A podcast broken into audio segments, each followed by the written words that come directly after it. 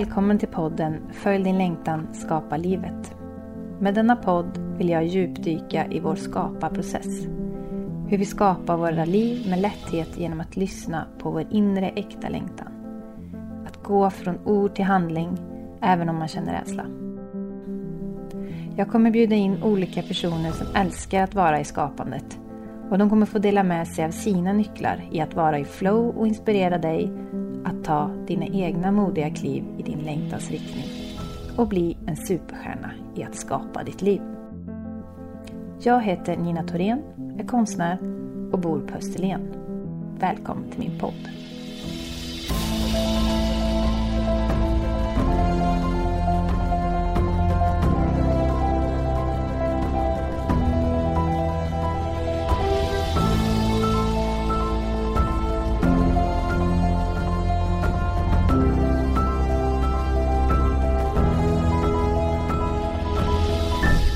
Dagens gäst är konstnären Mattias Frykholm.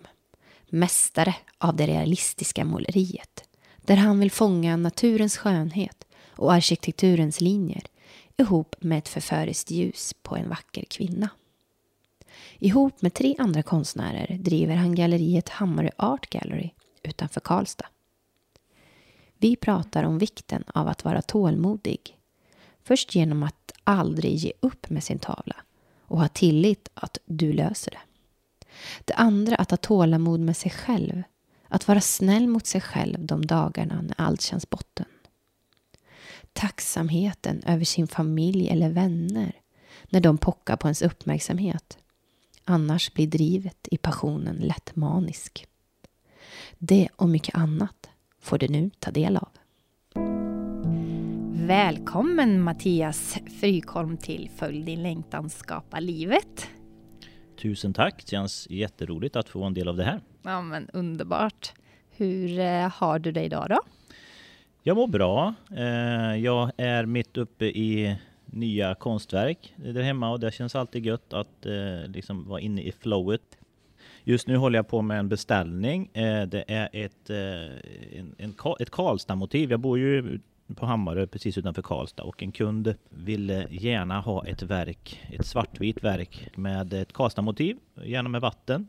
Så jag presenterade ett förslag som eh, de körde på, så nu sitter jag och pillar med, jag har suttit och målat löv och löv och löv under många, många timmar. Men nu har jag äntligen börjat måla lite andra delar av tavlan också, så det känns, jag har kommit en bra bit på den nu. Skönt. Vad älskar du att måla? Vad är det för, är det speciella, vilka speciella motiv är det där du älskar mest? Eller var i motivet älskar du mest att måla? Ja, jag brukar säga som eh, liksom grund så att jag älskar att måla det vackra i världen eh, på ett realistiskt sätt då. Och det vackra kan ju vara väldigt mycket, men na naturen är ju en inspirationskälla helt klart. Och eh, vatten, vatten är förekommande i stort sett alla mina målningar det är något speciellt med vatten. Det är föränderligt och det ser aldrig likadant ut och det kan reflektera. Solen kan slå igenom eh, ytan ner på botten. Väldigt stor utmaning att försöka få till det på ett realistiskt sätt men älskar det verkligen. Om du beskriver dig som konstnär då, vad har du för, hur vill du beskriva dig? Jag är väldigt noggrann. Jag har eh, varit idrottare tidigare i mitt liv, van att jobba metodiskt och noggrant mot ett mål. Och det tror jag kan få nytta av även i konstnärskapet. Sen tror jag att jag har en bra känsla för detaljer. Ja, tålmodig, väldigt tålmodig. För det, det, tålamodet sätts på prov många gånger. Och det är inte alltid som det håller. Ibland blir jag frustrerad och riktigt jäkla arg. Men eh, det tillhör processen det också. Men det är just det här eh, väldigt föreställande motiv som eh, du älskar att eh, få till kan man väl säga? Ja, det är det. Eh, det är eh, hög realism och väldigt föreställande då. Så det har blivit min, eh, min grej. Sen vet man ju aldrig vart, vart det bär framöver, men jag, jag ser väl mig som att jag kommer fortsätta måla med väldigt föreställande och med realism. Men sen kan ju motiven ändra sig. Mm. För de som inte känner till dig som konstnär, kan du berätta lite mer vad har du målat tidigare? Jag älskar att måla eh, det vackra i världen. Eh, och det vackra i världen för mig, det är naturen. Och eh, stadsmiljöer har jag kommit in på. Jag börjat måla också. Jag har varit mycket i Stockholm på slutet och inspirerats och fått till ett par målningar. Sen ibland vill jag även visa interaktioner mellan människa och, och natur och då målar jag en kvinna som rör sig, i, ofta då i vattenmiljö. Det tycker jag är otroligt inspirerande och väldigt roligt att måla. Kan du berätta lite mer om din um, skaparprocess just när du... För då utgår du oftast då från ett foto. Eh, fotar du först eh, modell mm, eller har du planerat eller kan det bli bara både planerat och spontant? Ja, jag har ju alltid en idé först liksom och klura på vad ska jag vilja måla för någonting. Eh, sen så tar jag mig ut till miljön som jag föreställer mig jag skulle vilja måla. Alltså om det till exempel är vatten så tar jag mig snabbt ut till Vänern. Jag bor nära så jag kan ta mig dit på kort tid. Vill jag ha en eh, kvinna med i motivet så, så har jag då en modell med och eh, sen så tar jag fram min kamera och smattrar på, tar jättemycket bilder och det kanske är dels liksom eh, utifrån en tanke som jag har, en idé.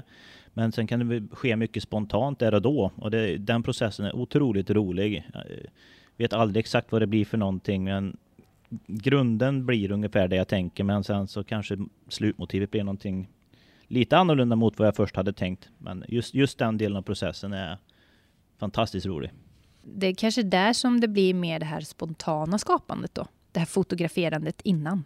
Ja, precis. Eh, det är det. Så att just där så är det mycket vad som händer där och då. och Gå lite grann på känsla. Sen kan det hända att solen till exempel, den kan ju gå i, i moln och då blir ljuset något helt annat och sen plötsligt så tittar den fram igen och då slår ljuset in på ett fantastiskt sätt som jag känner, åh det här, det här måste jag få till nu. Uh, och, så att det kan vara väldigt föränderligt där och då. Men återigen, det är ju en stimulerande och inspirerande del det där av processen, helt klart. När du sen målar, har du då flera foton från den här, den här känslan du vill få på tavlan? Eh, är det flera foton du har från samma ställe eller är det så att du har suttit och bara känt in och valt det här är det perfekta fotot, det är det här jag ska måla? Ja, jag får ju med mig jättemycket material eh, från en sån där fotosession ibland sitter jag många timmar och tittar igenom alltihop och försöker liksom att skala ner de här, säg tusen bilder, försöker skala ner det till kanske hundra stycken som jag känner, ja men det här är någonting, jag jobba vidare på det här spåret. Och sen fortsätta att tänka, kika, smala ner det ännu mer. Till slut så kanske jag bara har tio stycken. Och då kan det bli så att jag kanske vill, fem av dem skulle kunna bli ett, eh, en målning. Och eh, det kanske jag med tiden kommer göra också, men just där och då så är det en jag vill måla efter mycket klurande och funderande så, så, så, känner jag exakt den här bilden. Den har jag återkommit till flera gånger under, under liksom när jag tittat och jag känner att det här är det jag vill måla. Då känner jag mig trygg och eh, ja, börjar helt enkelt skissa motivet utifrån det. Jag kan nästan beskriva det som när du sitter där och väljer bland de här fem fotona. Det är nästan så när man sitter och tittar på sitt verk och man funderar hur ska jag gå vidare? Och så bara säger det pang. Ja, så här ska jag gå vidare. Eh, jag kan tänka mig att det är liksom nästan lite liknande när du sitter där bland dina foton och eh, bara känner, du får en känsla av att det här var den rätta kontrasten, det här var det rätta ljuset, det här är rätta rörelsen som du känner i din kropp.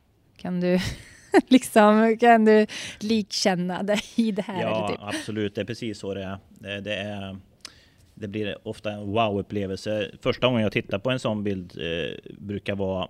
Alltså, säg att jag öppnar alla de här tusen bilderna. Så är det vid några få av dem som jag direkt känner att den här kommer jag komma tillbaka till för den är så himla bra. Och ofta så stämmer den känslan. Eh, så då återkommer jag till den gång på gång när jag bläddrar igenom och, och till slut så är det så är det där. Eh, det kanske mycket möjligt blir så att det är den jag sen målar. Sen så får jag, genom att det är råmaterial som jag har i bilderna, så får jag förstås bearbeta mycket. Jag känner att eh, ljuset kanske är lite platt och då får jag ju förstås bearbeta bilden innan, innan jag börjar måla för jag ska känna att ljuset poppar på rätt sätt, kontrasterna är bra, eh, kompositionen, jag får beskära bilderna så att det ska liksom funka bra som en målning också. Så att det är ju Men eh, i grund och botten så ser jag ganska tidigt vilken bild som kommer att funka. Om du liksom djupdyker i dig själv där, vad är det du tror, alltså vad är det som gör att du känner att just den här kompositionen är den som kickar i dig? Jag vet inte, det är någon form av känsla tror jag. Alltså, jag, har, jag litar på min, min känsla på ett helt annat sätt nu än vad jag gjorde tidigare. Då kanske jag var mer sökande och liksom försökt att klura, nästan ta reda på hur ska en målning eller en, en bild vara uppbyggd. Men nu liksom sitter det så pass tryggt i mig där så nu kan jag känna direkt att när mitt öga känner att det här är wow, det här är en, en, en bra grej, då, då är det oftast det. Eh, och eh, någonting som bara faller naturligt för mig. Eh, jag litar på min känsla helt enkelt. Det blir det som är ditt seende. Hur länge har du jobbat som konstnär? Eh, jag har jobbat eh, heltid sedan tre år tillbaka nu. Eh, innan det var det deltid under ett antal år. Så att det, liksom, det har successivt blivit mer, blivit mer och mer. Eh, men det, det började ju redan som, som liten. Eh, jag satt och tecknade japanska manga och sånt där. Hockeyspelare, kommer ihåg att jag tecknade mycket. Jag tyckte det var roligt. Sen så är det ju så att när man är liten och får beröm av vuxna min lärarinna till exempel då i lågstadiet, hon, hon, hon var väldigt så pushande och tyckte att jag var så duktig. Och det kommer jag så väl ihåg när jag gjorde en speciell bild, ett stenåldersmotiv. Så fick jag mycket beröm för, för det och eh, som pojk då så kände jag att eh, ja, jag kanske är duktig på det här. Och det spär ju på ens intresse och eh, får, får mig att vilja fortsätta och måla och teckna. Så det gjorde jag egentligen från då och framåt. I hela livet har jag haft det som, som en del av, av, av mig och mitt, min person. Perioder så har jag legat lite latent när jag varit idrottsman och då har jag inte målat, tecknat så mycket. Men det har ändå alltid funnits där. Och till slut så kände jag att ja, jag kanske skulle kunna till viss del livnära mig på det. Eh, så 2006 startade jag en firma Frykholm Martin Illustration. Eh, den har jag fortfarande idag. Till en början var det bara liksom att jag ville eh, ha någonting vid sidan av min, eh, mitt andra yrke. Tog lite illustrationsuppdrag. Ja, började väl egentligen den yrkesmässiga resan där och då. Vad jobbar du med innan? Jag har jobbat i färgbutik, Colorama. Och jag kunde, det är ju på sätt och vis lite tangerande just med färg och form mycket, liksom att tänka estetiskt och hjälpa kunderna. Och eh, sen så har jag jobbat lite grann inom på Telia. Jag jobbade en period eh, som idrottslärarvikarie och haft lite olika sådana yrken. Men eh, hela tiden så var det någonting jag kände att ja, vad vill jag göra? Och jag kom alltid tillbaka till det här liksom med att någonting med mitt konstnärliga skapande. Eh, det vore häftigt att kunna eh, satsa på. Och ja, till slut så blev det så. Mm, fantastiskt. Var det att du fick förfrågan om illustrationsjobb som gjorde att du vågade ta steget? Ja, jag fick... Eh, jag var, som jag har varit inne på, eh, idrottsman under många år och då var det friidrott som var min grej. Och eh, Svenska friidrottsförbundet behövde, eh, jag tror det var väl någonstans runt 2005-2006 där, eh, så behövde de eh, illustrationer till den nya regelboken som de släpper Eh, med jämna mellanrum. Och eh, nu vill de uppdatera, de vill uppdatera illustrationerna i den och eh, jag fick eh, förfrågan om jag kunde stå för illustrationerna. För de passade väldigt bra med en som dels kunde friidrott men även då teckna. Så att eh, det var ett av mina första uppdrag och, och eh, väldigt kul och stimulerande. Jag kände att shit, jag kan ju faktiskt tjäna, tjäna en peng på det här. Sen så har ju Svenska Friidrottsförbundet fortsatt att vara en, en kund genom alla år. Där och då började väl den professionella resan att faktiskt kunna tjäna pengar på mitt skapande. Hur eh, jobbar du med dig själv liksom för att ta just modet att kliva ur lite ur det här ekorrhjulet? Ja, det var alltid, jag har nog alltid någonstans känt det att, eh, att jag, är, jag, jag vill någonting med mitt liv som kanske inte eh, hör till, vad säger det, det vanliga på något sätt om man kan säga så. Utan jag, jag drivs liksom av eh, att vara passionerad och känna inspiration och eh, jobba mot någonting som får mig att må väldigt bra som person. Och den där längtan efter det kom väl mer och mer ju, ju äldre jag blev och, och sen när jag fick familj och barn och vi byggde upp eh, en, en, ett tryggt hem och en stabilitet där så kände jag att nu, nu är det nog faktiskt läge att eh, kika på det där med att våga satsa på någonting som jag alltid har brunnit så för. När känner du dig som modigast? Det är nog när jag är inne i, eh, i ett flow, i en målning. Jag känner att shit, det, allt jag gör nu blir så jäkla bra. Då känner jag mig som, ja, inte king of the world, jo, king of the world. Så då känner jag nu, nu är jag modig. Nu ska jag kunna göra vad som helst. Du oövervinnlig. Ge mig ja. vilken utmaning, jag löser den. Exakt, det är en god känsla. Alltså det är fantastiskt alltså. Ja, men jag kan nog hålla med när man bara känner hur det flyter och det bara blir fantastiskt och man älskar det man gör. Det är ju det är så härligt att inte känna att man behöver ha någon annan som mm. ska bekräfta det, utan man bara känner och är i det själv. Ja, det är en fantastisk känsla det där. Ja. Men du, har du haft några vändpunkter i ditt liv? Eh, någonting som kanske mer är neg negativ synvinkel, men ändå någonting som, som får en att bli starkare. Det var jag fick en eh, skada, jag slog mig rejält eh, i samband med en, sjuk, eh, en sjukdom för, eh, vad kan det vara då? Tio, tio år sedan snart. Så då eh, tog det faktiskt ganska hårt på med det där. Dels alltså fysiskt och med det fysiska månet så blev även den mentala delen tuffare.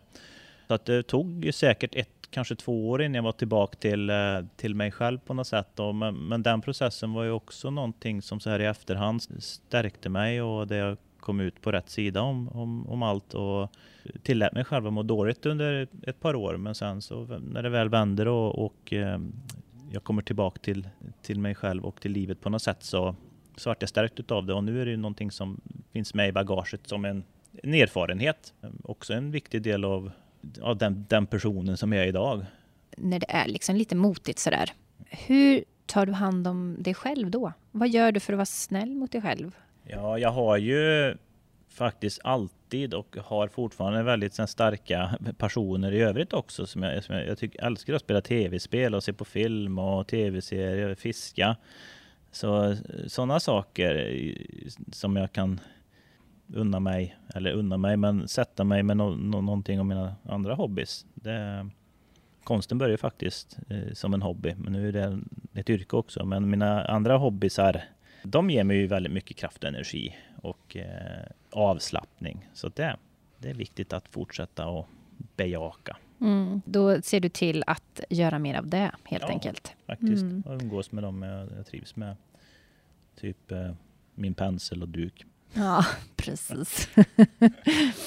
vad tycker du är eh, den, vad tycker du är det allra bästa med att vara egenföretagare och konstnär? Om vi börjar där och så kan du säga vad är den största utmaningen? Det, alltså, det är en fantastisk känsla att få rå över sina egna arbetstider och, och eh, känna att det jag gör och vill göra gör jag eh, utifrån vad jag, hur jag själv bestämmer det. Eh, det är ju en väldig, väldigt frihet måste jag säga. Eh, och sen att jag, jag behöver aldrig någon gång ha söndagsångest utan jag känner tvärtom då liksom att åh, äntligen måndag. Nu kan jag liksom sätta mig med mina målningar igen eller göra någon, någon annan del utav eh, Alltså mitt yrke består inte bara av att måla utan det finns många andra delar också som gäller att ta, ta tag i. Men alltihop som en helhet blir så fantastiskt roligt så att det är ju än så länge känner jag bara att det är ett riktigt nöje och eh, någonting jag stimuleras av och känner mig inspirerad he precis hela tiden. Och jag, jag, tror att det skulle varit svårare med, man kan kalla ett vanligt yrke då. Eh, så för, för, min del så, eh, så känner jag att det, det, är precis det jag vill vara och eh, så himla glad att jag, att jag gav det här chansen och eh, har nått dit jag har gjort. Vad tycker du är den största utmaningen då?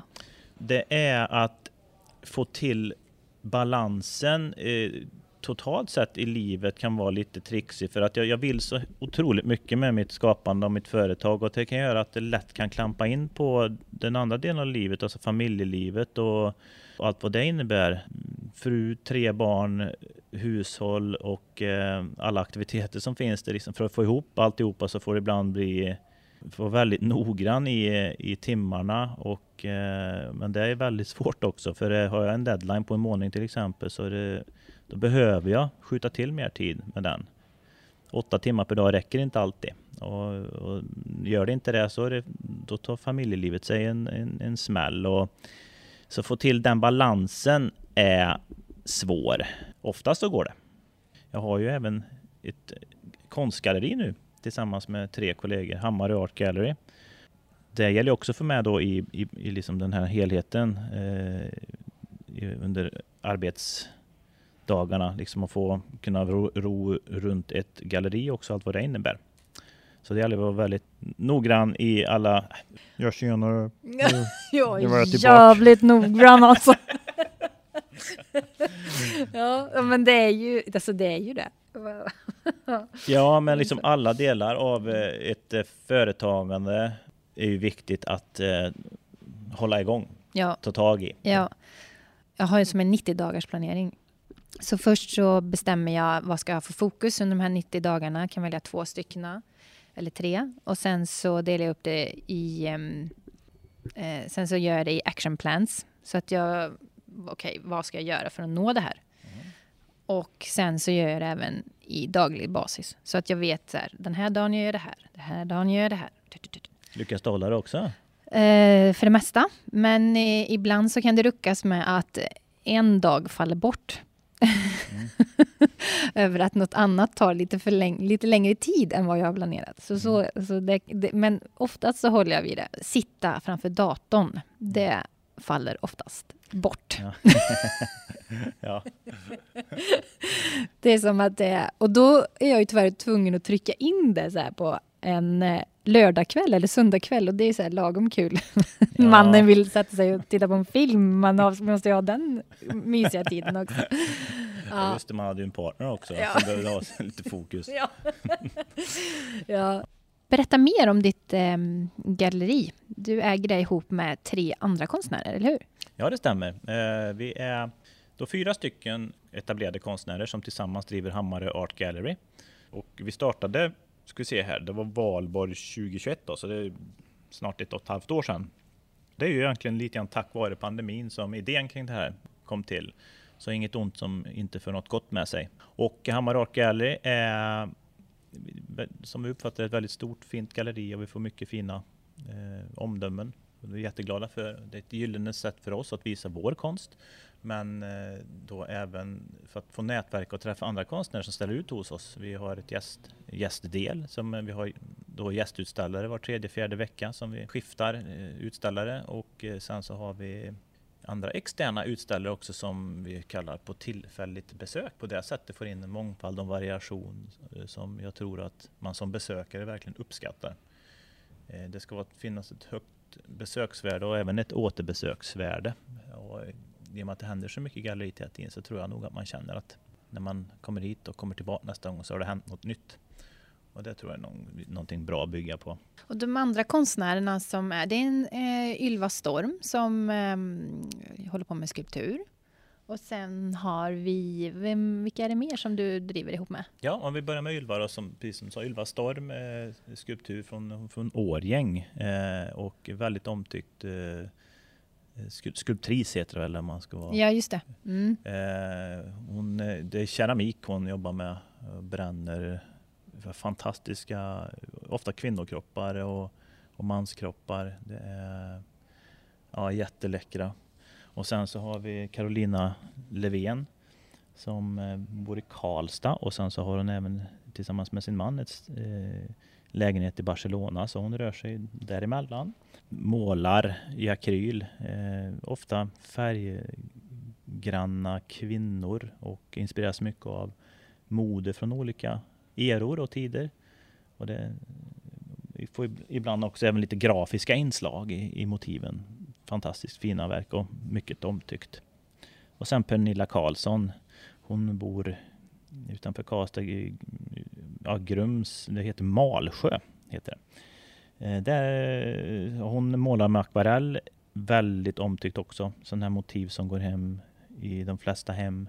Eh, mycket svenska landskap fantastisk konstnär och, och eh, de är härliga människor. Tillsammans har vi väldigt roligt. Och det här är då tur att ni är om att ta hand om det här galleriet och det gör ju att ni också då inte är låsta vid att vara här utan ni kan vara i era, era ateljéer. Liksom. Ja precis, i grund och botten så är det viktigt för oss alla, vårt egna skapande. Mm. Eh, men galleriet är ju ett, ett sätt att eh, ja, nå ut och sen eh, i och med att vi tillsammans gör det, driver det så, så, så får vi fortfarande tiden liksom att sitta hemma och skapa. Eh, och eh, det finns så mycket fördelar med att ha ett eget galleri och är väldigt, väldigt glad att, att vi tog chansen starta det här. Det har börjat väldigt bra för oss och kommer fortsätta jobba hårt och se, se vad det kan bära framöver. Här. Hur förhåller du dig till eventuella hinder som kan komma på vägen? Ja, hinder är jobbiga att stöta på. Desto skönare när man tagit sig förbi dem på något sätt. Eh, så det är väl så jag försöker att förhålla mig till det. Att eh, frustrerande och jobbigt där och då. Men eh, jag vet att om jag jobbar med förbi det och så kommer det att kännas skönare sen. Oftast så, så blir det så också. Hur jobbar du med dig själv där? Fram och tillbaka i den här frustrationen? Jag tillåter väl mig själv att vara frustrerad och arg och, eller vad det nu kan vara. Där och då kan det ju kännas lite hopplöst och, och törligt helt klart. Men eh, ja, fortsätta bara bita i. Det är mm. egentligen det då. Tugga på bara. Ja, precis. Det funkar oftast. Ja. Men du, och om vi, vi har ju varit inne lite på din skaparprocess och sådär. Om vi bara, för du har ju förklarat lite om det här med fotograferandet och hur du sen tecknar upp ditt motiv och sådär. Mm. Kan du liksom gå in lite mer i, om vi får hänga med dig liksom lite i din sån här känsla när du är i ateljén? Vilka olika vändningar kan du gå igenom från att det liksom har börjat målningen till att du faktiskt känner att wow, där satt det? Ja, eh, när jag väl har hittat den här fotoreferensen som jag känner att det här vill jag ha som underlag när jag ska måla. Det här, det här kommer bli någonting bra. Då har jag då den bilden bredvid mig i, i datorn och så har jag duken på andra, andra sidan och börjar med att skissa upp motivet med blyerts i väldigt grova drag så att jag vet bara att eh, alla viktiga detaljer har rätt plats från början. När penseln väl åker på duken och jag börjar den processen så så är det, tar det oftast ganska många timmar innan jag känner att det blir ja, egentligen blir särskilt roligt. För i början är det mycket att lägga en grund, kanske lägga en, en basfärg på stora ytor eller eh, lägga penseldragen i väldigt stora eh, grova drag innan jag till slut känner att nu, nu sitter grunden. Nu kommer jag in och börjar teckna eller måla detaljer. Och när detaljerna börjar hamna på plats, det är då som målningen börjar leva. Och då känner jag att åh, här, nu är jag på den roligaste delen av målningen. Det är när, när den kommer till liv. Detaljerna börjar sitta och jag känner att alltså, det, här, det, ja, det här blir bra. Då, då, den känslan är, den är god då gottar du dig i det här och liksom myser och vill typ aldrig sluta, mm. kanske? Mm. Fram tills att jag blir frustrerad över någonting. tills att någonting sket sig. ja, för det gör det. Ja. Det är absolut ingen dans på rosor hela tiden, utan vissa delar är väldigt, väldigt frustrerande och eh, jag får ofta höra att ja, människor att de är så otroligt imponerande över mitt tålamod som jag måste ha när jag sitter alla de här timmarna. Och tålamod har jag, men jag brukar också säga då att det tryter. Det tryter definitivt och och då kan man höra ett annat svärord från ateljén och, och eh, jag sitter och drar det lilla håret jag har kvar på huvudet. Så, men eh, det är också en del av processen och sen så litar jag så mycket på min, mina kunskaper nu så jag vet att processen innehåller frustration och tålamodsprövning. Eh, men om jag tar mig förbi den tröskeln så, så är jag så pass säker nu på mig själv att eh, målningen kommer att bli som jag vill ha den i slutändan. Så kan, jag, jag tar mig igenom det där. Underbart. Kan det vara så här att de här bitarna som du har varit mest frustrerad över och faktiskt till slut fått till, är det de som du nästan är mest nöjd med? Jo, jo men de bitarna som, eh, som, eh, som jag varit frustrerad över och sen ser att de faktiskt blev väldigt, väldigt bra i slutändan, då kan jag vara superglad för att jag tog mig igenom och att det blev så bra som det blev. Men sen så är det helheten det handlar om. Alltså när jag eh, backar från min tavla när den är färdig, sätter namnteckningen och sen tittar på hela tavlan eh, liksom och känner att det här blev precis så som jag ville att den skulle bli. Eller förhoppningsvis kanske ännu lite bättre. Yes. Eller 99, jag, jag är aldrig 100% nöjd, men känner jag mig 99% nöjd, då, då är det wow-upplevelse. Din tilltro till dig själv, att du, du har varit med om det här, det blir det här frustrerande. Tror du att det är det som hjälper dig att ha tålamod egentligen? Ja, absolut så är det så. För jag vet att eh, processen är så. Att eh, det är tålamodsprövande och frustrerande. Men jag, men jag vet att det i slutändan kommer det kommer att sitta eh, precis så som jag vill. Och det har jag ju lärt mig med, med tiden och med erfarenheten och framförallt sen jag började jobba heltid med konsten där jag kan måla så otroligt mycket mer än vad jag gjorde förr. Så, så känner jag att jag, jag är så trygg i mitt skapande och, och litar på processen så att det, det hjälper mig alltid till att, eh, att komma över de frustrerande delarna. Sen samtidigt så, så är det så att vissa dagar man kan vara i riktigt dålig dagsform ibland och ibland så är liksom, känner man sig värdelös och att, eh, att man, jag tvivlar på, tvekar på sig själv liksom och, eh, och man känner sig bara blä. Och det, det tror jag nog också är viktigt att faktiskt bejaka att vissa dagar får och kan vara så. Ger man inte upp utan fortsätter då jobba med vad det nu kan vara eh, för någonting som man har fastnat i eh, och eh, försöker ha den tilliten då och utifrån gamla erfarenheter också veta att oftast så kommer, eller nästan alltid så går det att vända det där. Då gör det det. Men återigen, tillåta sig själv att faktiskt må jäkla dåligt och känna sig ja, kass. Det är nog också viktigt att, att tillåta sig det. Mm. Ja, det är ju två sidor av samma mynt, eller man säger så. Om man inte har känt sig riktigt kass så kanske man inte riktigt kan förstå när man är riktigt, riktigt grym också. Liksom. Precis, vad tråkigt det skulle vara om man alltid kände sig så grym. jag vet inte om man skulle liksom tycka att man var grym då. nej, då skulle man bara vara, nej, då skulle man bara bli en sån här slätstruken linje. Ja, liksom, va, ja jag duger. ja, precis. Då ska man gå igenom så. Liksom. Det är mycket bättre att ha toppar och dalar. Ja. Då blir topparna roligare och dalarna eh, dryga. ja. ja, verkligen. När tror du att du skapar som bäst då? Normalt sett skulle jag säga att jag jobbar som bäst på kvällstid när, när världen runt om har lugnat ner sig. Som allting är lugnare. Jag har ingenting som stör utifrån och, och jag kan stänga in mig i ateljén, fatta penseln och sätta på musiken som jag älskar att ha på. När jag har det som yrke så är det viktigt att jag håller kontorstider på något sätt. Alltså när, när barnen är, är i skolan och, och, och min fru är på sitt jobb, då jobbar jag eh, för att hålla rätt balans eh, i livet eh, och ägna tiden åt familjen under tiden som alla är hemma samtidigt och aktiviteter och annat. Så, då är det viktigt att ha faktiskt kontorstider och det kan vara ibland lite tufft. Liksom klockan åtta på morgonen redan börjar komma in i en inspirerande bubbla. Det, det är inte alltid jättelätt men ofta så räcker det med att jag sätter på musiken jag tycker om så kommer jag ändå in i det och hittar ett flow. Eh, men generellt kvällstid när världen runt om är, är lugn, då, då kan jag komma in i riktigt god känsla. Och kanske även om jag har gjort ett träningspass innan, känner endorfinerna och nöjd med mig själv, då, då skapar jag bra. Ja, det är någonting med det här när man känner att ingenting annat pockar på en. Ja, precis. Det är som att allting blir stilla, man hamnar lättare i sin skaparbubbla då. Ibland sitter jag ju väldigt djupt i min bubbla, säg klockan tre, fyra på eftermiddagen där. Och jag skulle säkert kunna suttit kvar i den bubblan i många timmar till. Men då eh, plötsligt så rycker det i dörren och då är det ett av barnen som har kommit hem från skolan. Skulle jag inte haft barna och familjelivet då skulle jag nog bli sittandes väldigt, väldigt mycket mer och det kanske inte alltid hade varit så, så bra tror jag. Utan det är jättebra att familjelivet pockar på uppmärksamheten och barnen, barnen behöver ha fokuset från mig.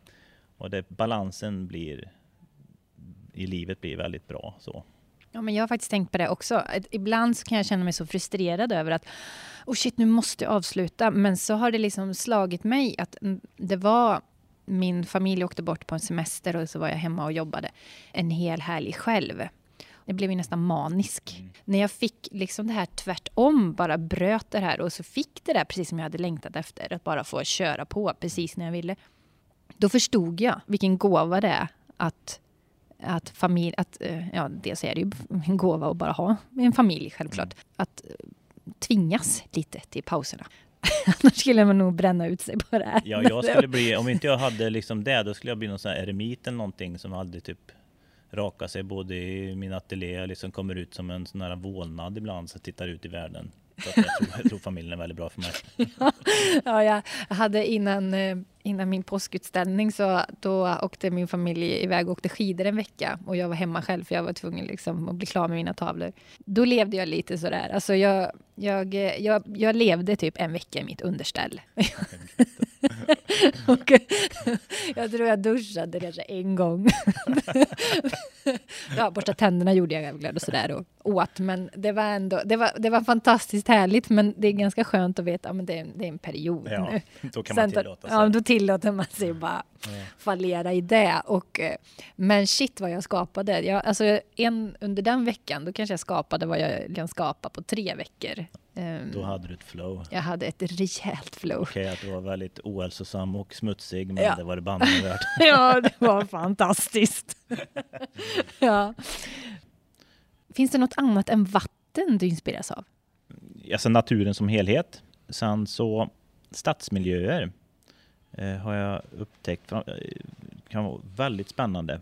Just arkitektur och hur ljuset kan eh, slå igenom in, in i en stad, hur byggnader och, och annat i stan reflekterar ljuset eller skärmar av ljuset. Och jag gjorde en målning ganska nyligen på ett, ett Stockholmsmotiv. Gick omkring med min familj. Vi åkte till Stockholm i oktober förra, förra året var det väl. Och så, så bara kände när vi gick längs med en gata att wow vad ljuset slog in snyggt och det var liksom bara en, en, en, den här scenen jag såg framför mig, Jag bara kände direkt det här, det här vill jag måla. Så snabbt fram med mobilkameran, fånga ögonblicket. Och, eh, och sen så blev det The Capital 2 som, den, som jag döpte den till. Och den, den tavlan kände jag kände mig otroligt nöjd och glad över och eh, fick mig att vilja måla ännu mer stadsarkitektur och stadsmiljöer. Så det är också någonting som jag eh, inspireras av faktiskt även i den målningen så, så skymtade man vatten. Det fanns någonstans bak därför att det, i, i Stockholm eh, finns det mycket vatten och så att jag behöll min röda tråd. Alltså mm, alltså vattnet. Går, även i den. Ja, mm. underbart. Har du eh, förebilder? Ja, min bror måste jag säga. Två år yngre. Han, eh, han är min förebild. Vi har eh, alltid varit väldigt, väldigt nära och han fortsätter då var min förebild och inspirerar mig och väldigt trygghet i mitt liv. Så min bror skulle jag säga direkt där. Vad är det för styrkor han har som du inspireras av? Nej, han är en väldigt, väldigt fin, fin människa. Han är eh, trygg och stabil och eh, han har eh, vi skrattar väldigt, väldigt mycket ihop. Vi har samma typ av humor. Han, han är klok. Det är den personen som jag kan bolla precis allt med. David som han heter. Sen är han framgångsrik i det han gör. Eh, om, omtyckt. Så han har så många delar som eh, tar lärdom och inspireras av. Och han, han är en klippa i mitt liv. Men vad är dina superkrafter då? Eh, mina superkrafter är eh, jag, har, jag kan se detaljer motiv när jag liksom rör mig i världen. Jag, jag, jag tror jag kan se vad som eh, eh, kan uppfattas som vackert. Eh, och det jag ser kan jag sedan måla. Det tror jag är en superkraft. Vad känner du att du skulle vilja lämna för något avtryck här på jorden? Ja, som konstnär så är det ju väldigt fint så att kunna efterlämna, eh, göra avtryck med sin konst, med mina verk. Och nu när jag når ut så bra med min konst eh, och människor har det i sina, i sina hem, eh, företag har det i sina lokaler eller till och med eh, finns offentligt i det offentliga rummet så, så känner jag att det avtrycket gör jag. Och det, det känns ju fantastiskt kul. Och sen så hoppas jag kunna lämna någon form av avtryck av förmedla kärlek på något sätt. Sen så barnen är förstås, det är ju det bästa avtrycket man kan göra. Liksom, att de eh, fortsätter att vara här i världen. Det är ju, känns ju fint. Och förundran, det är ju vatten och arkitektur och sådär som du förundras av. Har du något annat sådär som du förundras av?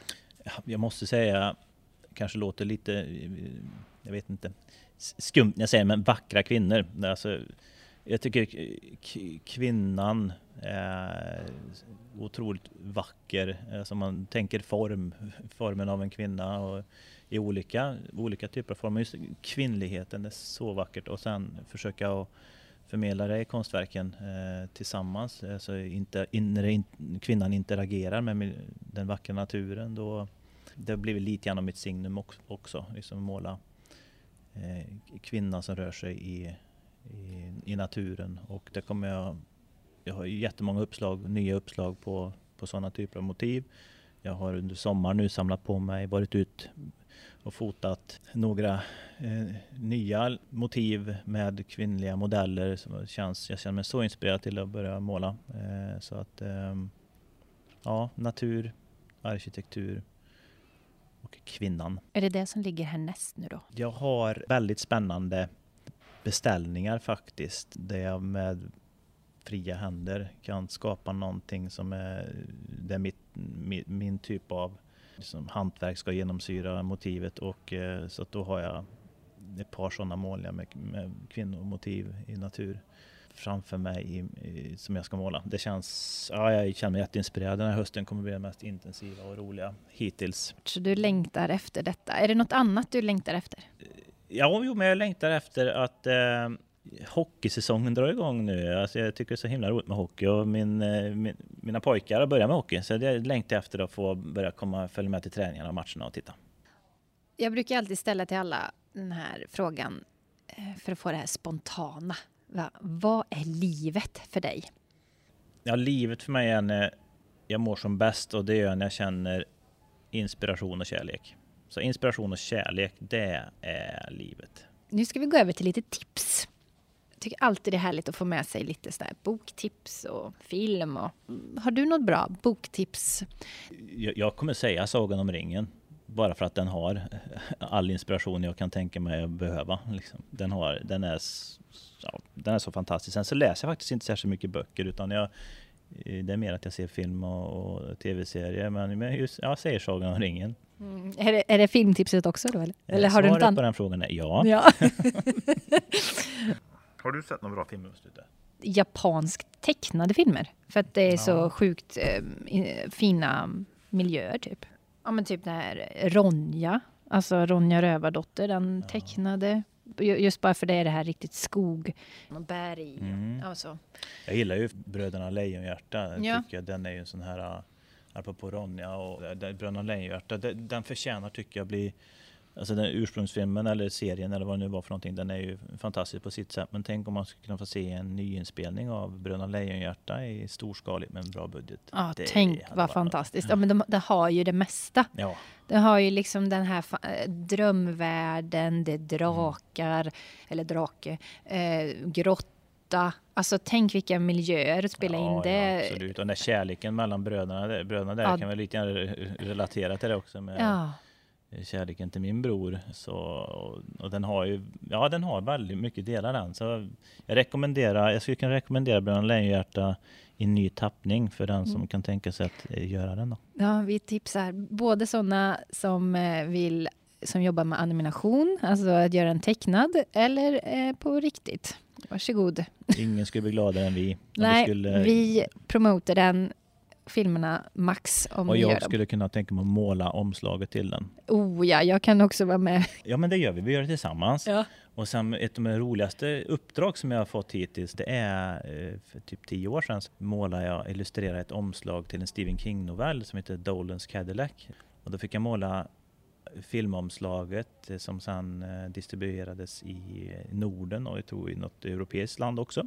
Och så är det, det just det omslaget som de använder på IMDB, den största filmsidan i världen. Så det är det omslaget som profilerar filmen där. Så det, det tycker jag det är nog det roligaste, liksom så enskilda uppdraget som jag har fått. Ja, ah, gud vad härligt. Vilka platser här på jorden, förutom där du har valt att bo, inspirerar dig? Ja, alltså nu har jag inte varit i Nya Zeeland, men det inspirerar mig ändå. Och det är ju, om jag återkopplar till Sagan om ringen så är det, den spelades ju in där och det var ju då jag fick upp ögonen på riktigt för Nya Zeeland, vad otroligt storslaget det Och bor jag granne också med Nya Zeeland får ju ännu mycket djupare liksom, kunskaper om Nya Zeeland som land. Och så, så det skulle jag hemskt gärna vilja besöka.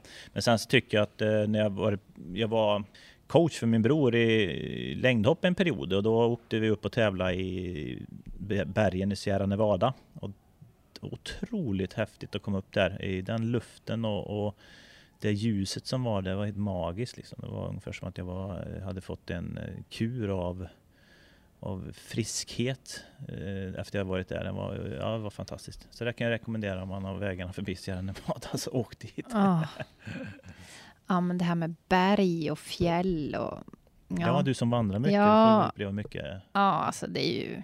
Ja, det är en stor dragning för min del. Ja, det är nästan, jag älskar ju att bo i Skåne och allt där och, och med havet och så. Men eh, jag har ju en liten dragning till fjäll alltså. Vem ja. vet, jag kanske flyttar till Norrland någon dag. Ja, men just nu får du ju liksom lite både får du platta och sen ja. så får du berget när du tar dig dit. Ja, ja men verkligen. Ja. Det är det som är så bra med Sverige också. Ja, ja. Det finns ju väldigt mycket, ja. många delar av natur. Ja, verkligen. Ja.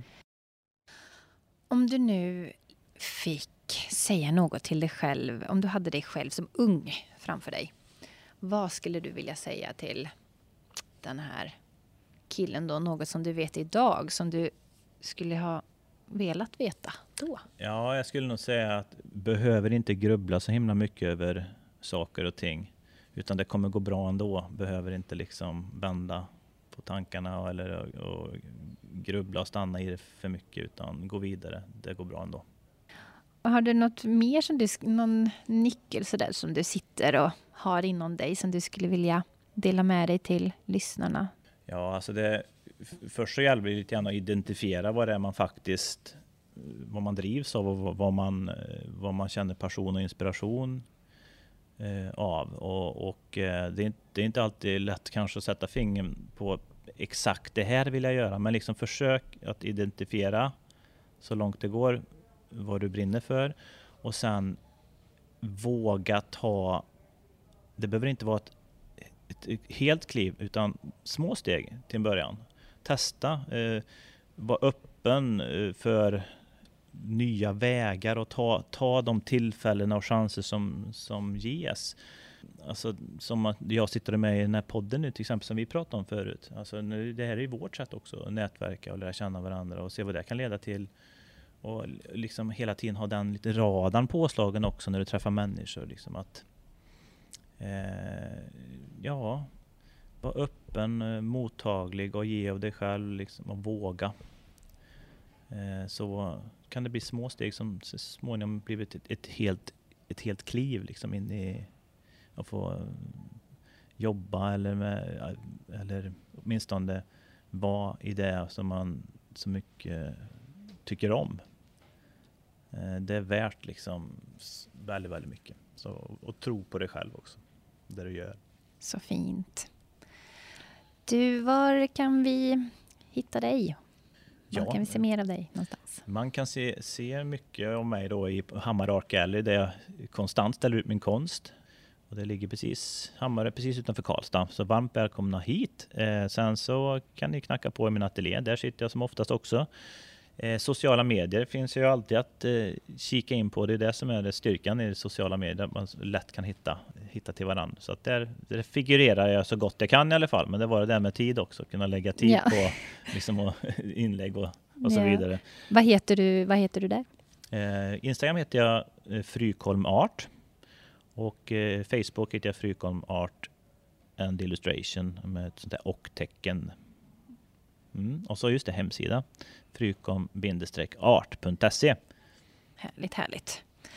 Underbart att sitta här och prata med dig. Vi sitter ju här nu på eh, Hammarö Art Gallery omgiven av all härlig konst och eh, så underbart att prata med dig om allt det här idag. Ja, tack detsamma och, och vi fick ju den stora äran att visa din konst här nyligen i, i galleriet också. Mm. Så att eh, det här, vi har ju etablerat en kontakt som vi jobba vidare eller stärker ännu mer i, i och med det här. Så jag tackar så mycket för att jag fick, eh, fick vara en del utav det här och att du gav mig tiden. Mm, absolut.